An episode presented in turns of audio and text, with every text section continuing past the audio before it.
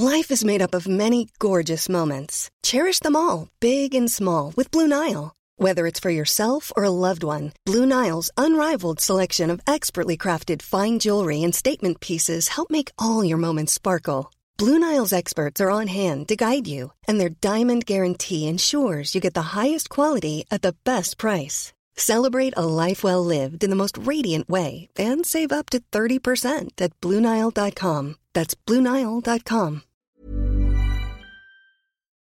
Hei, og velkommen til en ny episode av Foreldrekoden med vår faste ekspert Hedvig Montgomery. Snart skal du få høre mer av henne. Jeg skal bare innlede med å si at det allerede ligger flere ferske episoder tilgjengelig i Podme eller via aftenposten.no slash foreldrekoden.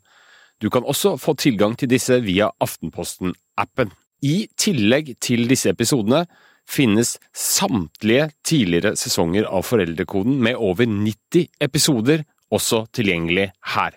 Det var altså enten via Podme eller aftenposten.no slash foreldrekoden. Du kan også lytte i Aftenpostens app.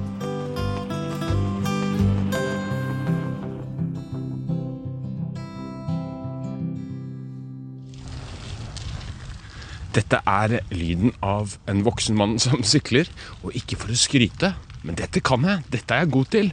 Men det er ingen som sier at jeg er flink til det. Det er ingen som roser meg. Men når det er sagt, så kanskje mora mi kunne funnet på å si at jeg var flink, faktisk. Men uansett så spørs det om det hadde gjort spesielt inntrykk. Og det skal vi snakke mer om i Foreldrekoden i dag. Ros av barn. Hva er dårlig ros, og hva er bra Rose. Hva er det som funker, egentlig? Men først skal vi hjem til en familie i Oslo. Og Kristine, som vi skal møte, er mamma til fireåringen Iver. Ja, her er egentlig hennes erfaringer med å rose barn.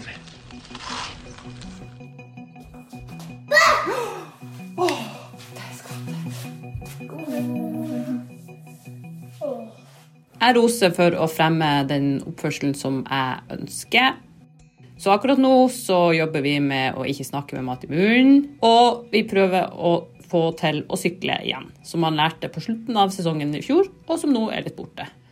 Og i de situasjonene er jeg jo ofte ganske til stede, og da er det lettere å få til det som jeg tenker på som god ros. Altså det er konkret ros som kanskje fokuserer mer på det å øve, og prosessen mer enn det jeg fokuserer på resultatet. Det var ikke noen ting jeg hadde egentlig tenkt over før jeg hørte på en episode av Foreldrekoden tilbake i 2019 og innså at jeg var nok en av dem som sa veldig mye 'Nå var du flink. Så flink du var'. Så begynte jeg å lese litt mer i forhold til hva det betydde i forhold til å gi mer konkret ros. Veldig bra jobba. Yeah! Men så detter man jo tilbake til gamle vaner, og en dag i fjor så kom han tuslende ned i stua en kveld, og så sier han 'Mamma, har jeg vært flink i dag?' Han hadde vært tre år. Han hadde gjort det som treåringer gjerne gjør. Han hadde trossa, han hadde kasta mat på gulvet, han hadde ikke spist noen ting. Han hadde generelt vært tre år. Og du kan jo ikke lyge. Og da ender du å måtte stunte en litt sånn, litt sånn halvdårlig Ja, men selvfølgelig er du verdens godeste gutt, og du har vært det er mange ting du har gjort i dag som har vært kjempebra, mens du bare prøver å ikke knuse det lille hjertet. For flink er så innøvd, og alt annet føles av og til så unaturlig.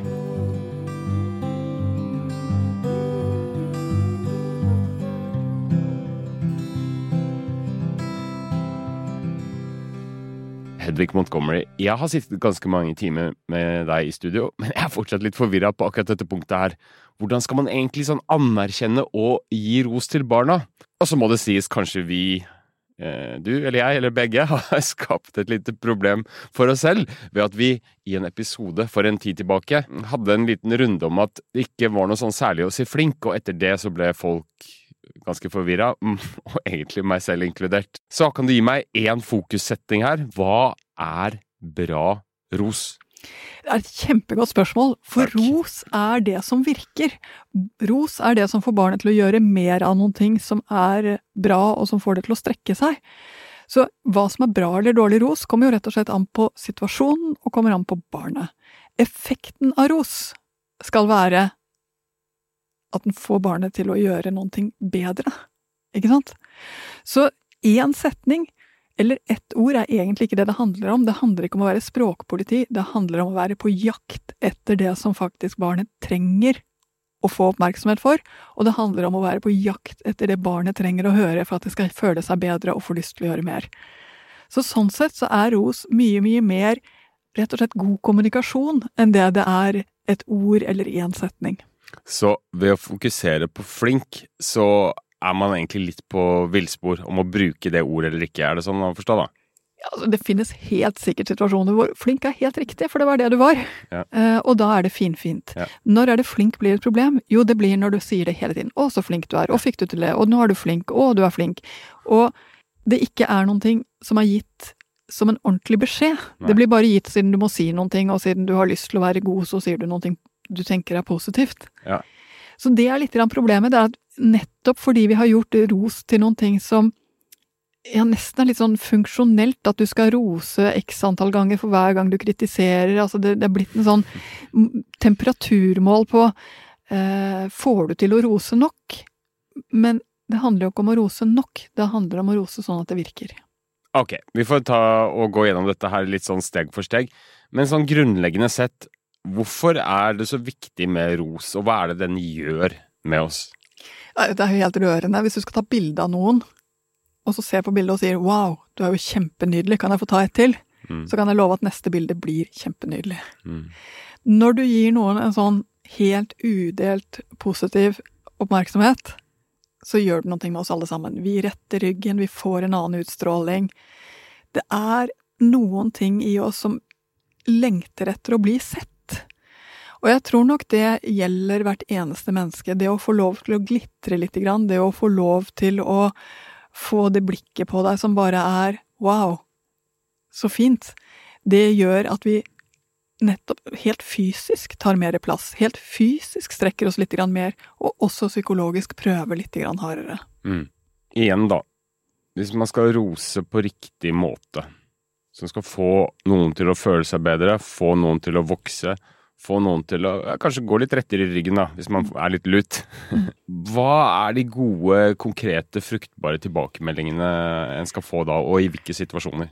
Ja, altså jeg tenker det er eh, tre ting som Tre dette ting. handler om. Det ene er at rosen faktisk er oppmerksom.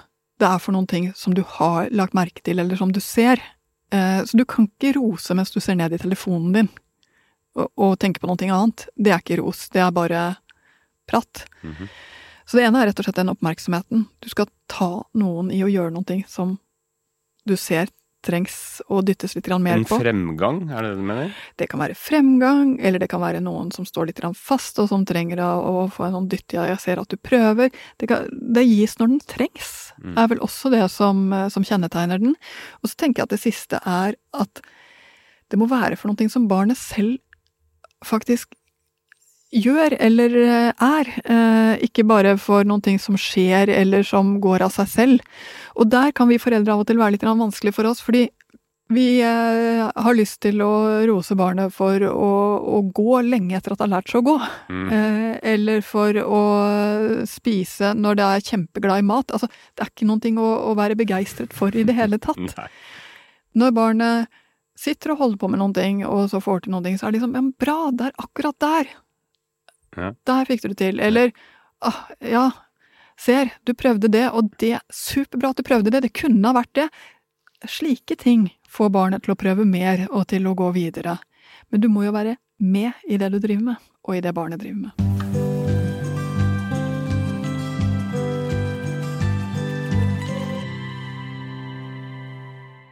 Ok, jeg kan ta et eksempel fra min egen verden. Fordi jeg ble litt usikker sjøl, nemlig.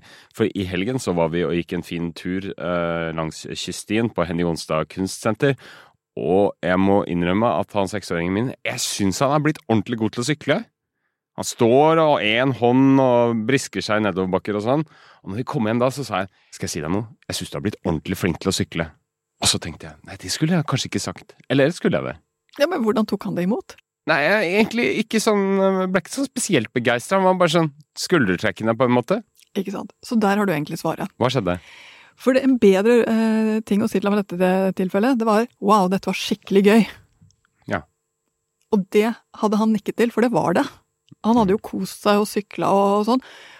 Eh, og så kunne du til og med ha sagt å sykle med én hånd ned den bakken på den måten du gjør, fy fader, så suverent. Det hadde han også nikket til, Ja. eh, for da følte han seg suveren. Så du var rett og slett på noen ting som han bare sånn sykle, det har han jo kunnet i årevis. Uh, I hans eget hode. Det var ikke der han trengte Nei, det. nei, nei, Så du skulle vært litt spissere. Nettopp. Men nå må jeg bare si, det spiller ingen rolle. Han kommer til å elske å sykle igjen. Uh, og så tror jeg også vi skal være klar over en ting. Det at det at du og jeg, og kanskje særlig jeg, har problematisert dette her, gjør jo at folk blir redde for å rose. Ikke vær redd for det. Mhm. Altså, om du sa det der og det ikke traff helt, so what? Uh, det var nå i hvert fall en hyggelig ting å si.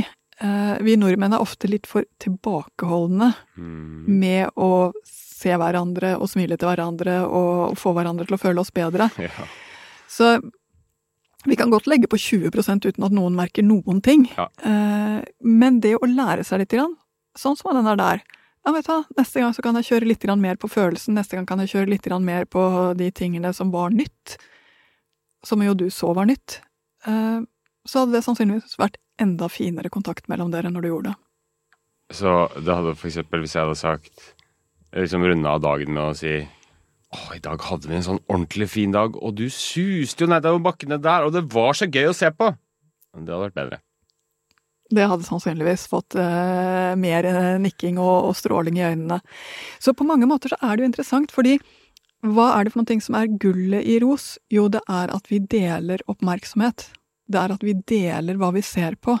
Det er at noen ting av det som kanskje går litt sånn Som jeg kjenner er stort, men som ingen ser i det jeg gjør, plutselig blir sett. Det er kjempefint. Men så er det jo én ting til som gjør ros litt vanskelig, og spesielt i perioder for barn. Og det er at vi roser så lett for det barna gjør. Mm. Og akkurat i denne småskolealderen, barneskolealderen, så henger det å gjøre og det å være henger veldig tett sammen. Ja. Det å få til å sykle med bare én hånd på styret, det får deg til å føle deg suveren, får deg faktisk til å være suveren. Mm. Så i de årene der så henger dette ganske tett sammen, og det er også lett å legge veldig, veldig mye vekt på det.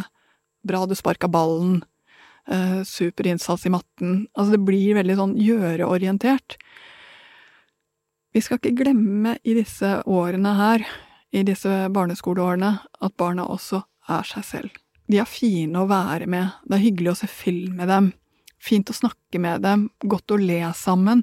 Altså, vi må passe på at vi også deler det positive i det barnet er som seg selv, ikke bare i det barnet gjør.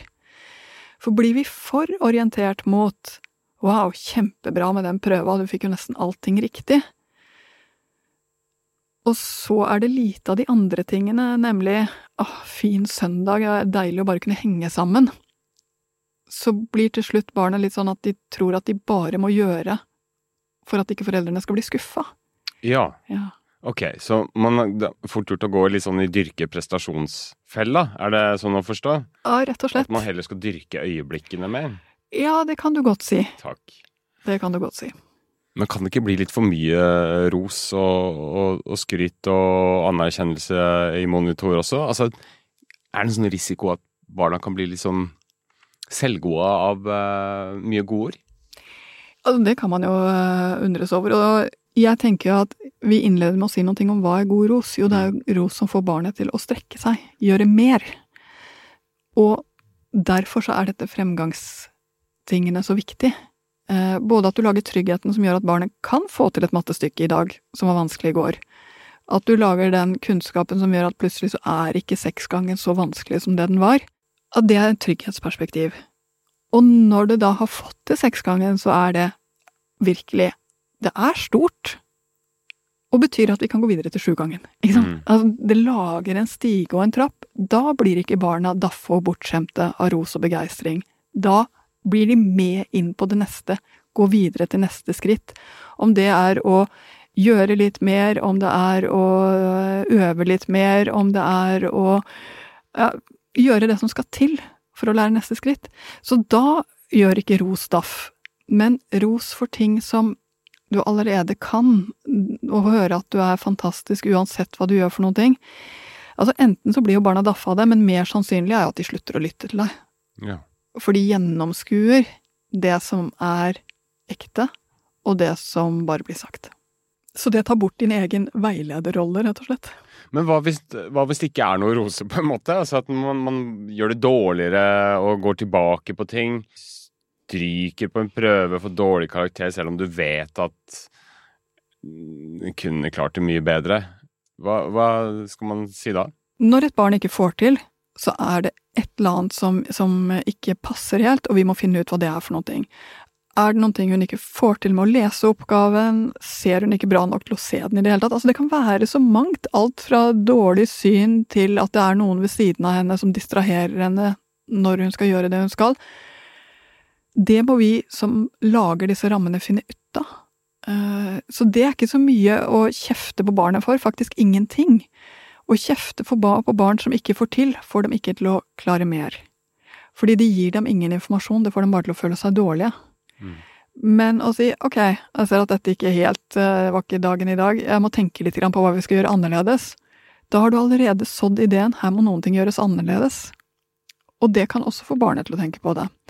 Så mm, jeg uh, må si at hver gang jeg ser et barn som uh, synker sammen istedenfor å strekke seg inn i, tenker ok, det kan vi sannsynligvis gjøre noe med, vi må finne ut av hva. Og så er det detektivarbeid. Hva kan det være? Det er jo ikke bare foreldre som sitter på det som kanskje vi kan kalle for et sånt mektig rosvåpen her, da. Eh, våpen var litt negativt ladet, men trenere eller lærere gjør jo også det. På idrettsballen eksempel kan det gå hardt for seg, tydelige meldinger osv., som man også tenker har en viktig verdi, da. Nei, ikke gjør det, gjør det.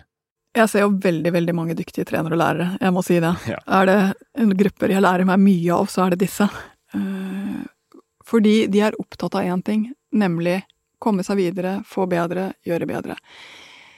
Men skal et barn bli bedre, bedre, så må det kjenne at det jobber sammen med noen, at det er trygt, og at de har tid til å gjøre det de skal. Så jeg ser at det som er den store faren for både lærere og trenere, er når de føler at de får dårlig tid. Nå, nå må det skje, nå må du vise, nå må du. Det kan få ethvert barn til å låse seg. En annen ting som får barn til å låse seg, det er at de føler at de ikke blir trodd på. Altså at du tror ikke jeg kommer til å få det til. Men det gjør du. Jo jo, vi prøver igjen, vi har den tiden som trengs. Sånne ting eh, kan av og til gå litt glipp, fordi som trener eller lærer tenker du at det viser litt hvor god du er, hvordan barna får det til. Men det gjør det ikke. Det er ikke hvor god du er som Ava gjør, hvordan barna gjør det, men det er hvor god kommunikasjon dere har, hvor tålmodig dere har, og hvilke barn du får inn i stallen.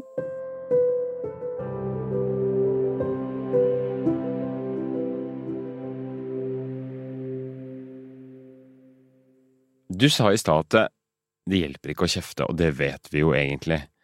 Men når det ikke fins noe på en måte å rose, at du syns at det, altså, dårlig oppførsel altså, Da er det greit å sette ned foten, ikke sant, og si 'nå må du ta deg sammen'. Altså, for det første, ikke gi ros for noe som ikke er noe å rose. Nei. Det er faktisk en viktig ting. Ja. Eh, så det fungerer ikke. Spar til det er noe. Mm. Og vær tålmodig til det kommer. Mm. Når det ikke har kommet ennå, så må Altså, det verste som skjer når det ikke kommer, det er at vi slutter å se etter at det kan komme, for vi gir opp barnet lite grann. Da har barnet tapt sin mulighet til å lære på ekte. Så det første er ikke mist motet av at barnet gjør det dårlig, ikke får til. Og når barn gjør det dårlig, ikke får til, så er det litt sånn ja, sånn er noen dager. Ikke få panikk av det heller. Mm. Det kan gå bedre i morgen. Du må holde på håpet for barnet, for det er ikke så himla lett for barnet å håpe på. Og det går det faktisk an å si. Ah, kanskje ikke største dag, leksedagen i dag, men vi tar det igjen i morgen. Allerede der har du laget muligheten for en annerledes i morgen.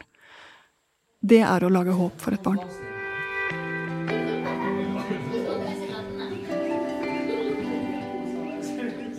Jeg syns at vi skal rose barn ganske mye. Jeg syns vi med, god samvittighet bare kan skryte av våre unger, andre sine unger. Jeg heter Kaja. Eh, mamma til to. Eh, Olli på seks måneder og Fie på to og et halvt år. For å snakke om det med det kjoleproblemet vi har hatt om dagen, da. For eh, hun Fie på to år hun har jo fått Elsa-feber. La den gå. Overalt hun har vært i sin Elsa-kjole, så har hun fått tilbakemeldinger på at 'Å, så fin du er i kjolen din'. 'Å, har du på deg Elsa-kjole? Har du pynta det?' 'Å, du ser så fin ut'. Og nå har det jo eskalert. Um, hun skal på død og liv ha på seg Elsa-kjole. Det tar litt av, og har hun, hvilken motivasjon er det egentlig hun har til å bruke den kjolen? Eh, er det fordi at da blir hun sett fordi at hun får høre at hun er så fin? Eh, eller hva er det, liksom? Det starta jo opp en diskusjon hjemme, da, at vi må være bevisst på hva er det vi sier. For at uh, hun skal jo bli sett for den hun er, og ikke for hvordan hun ser ut. Så jeg har faktisk nevnt til noen av besteforeldrene om vi kan uh, dysse ned litt den derre 'Å, så fin du er'. Jeg føler at jeg har et behov for å begrense det. Så ja.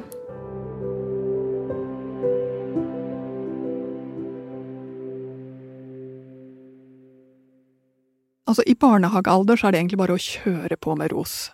De elsker å bli elsket, og de elsker å få høre at de er fantastiske.